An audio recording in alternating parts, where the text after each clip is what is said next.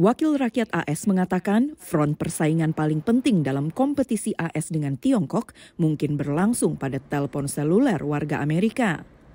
TikTok is perhaps the largest malign influence operation ever conducted. Allowing a CCP controlled entity to become the dominant media platform, the dominant news platform in America, would be a huge mistake. Penyebaran disinformasi di seluruh platform media sosial, termasuk TikTok, dapat dengan cepat menjadi tidak terkendali, kata para anggota Kongres.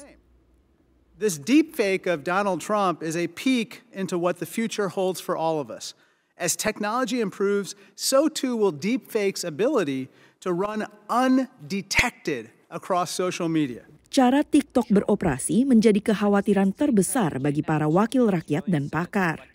TikTok is a more sophisticated um, capability where it has um, the ability, at least in theory, to, to micro target messages to different constituencies in different parts of the world or different demographics. Uh, and it's got an algorithm which, which nobody has access to, but it's in China, and the Chinese state has not allowed that algorithm to, um, to be sold. Praktik bisnis Tiongkok juga dapat membahayakan pemilik bisnis media sosial, kata seorang pakar. Musk may be particularly vulnerable to pressure from Beijing because he has significant business interests in China. And the CCP is very, very good at leveraging foreign businesses' access to the country to compel them to toe the party line.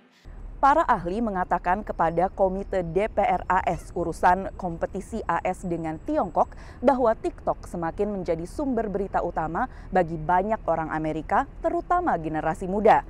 Namun undang-undang masih bisa disahkan untuk menghentikan penyebaran disinformasi.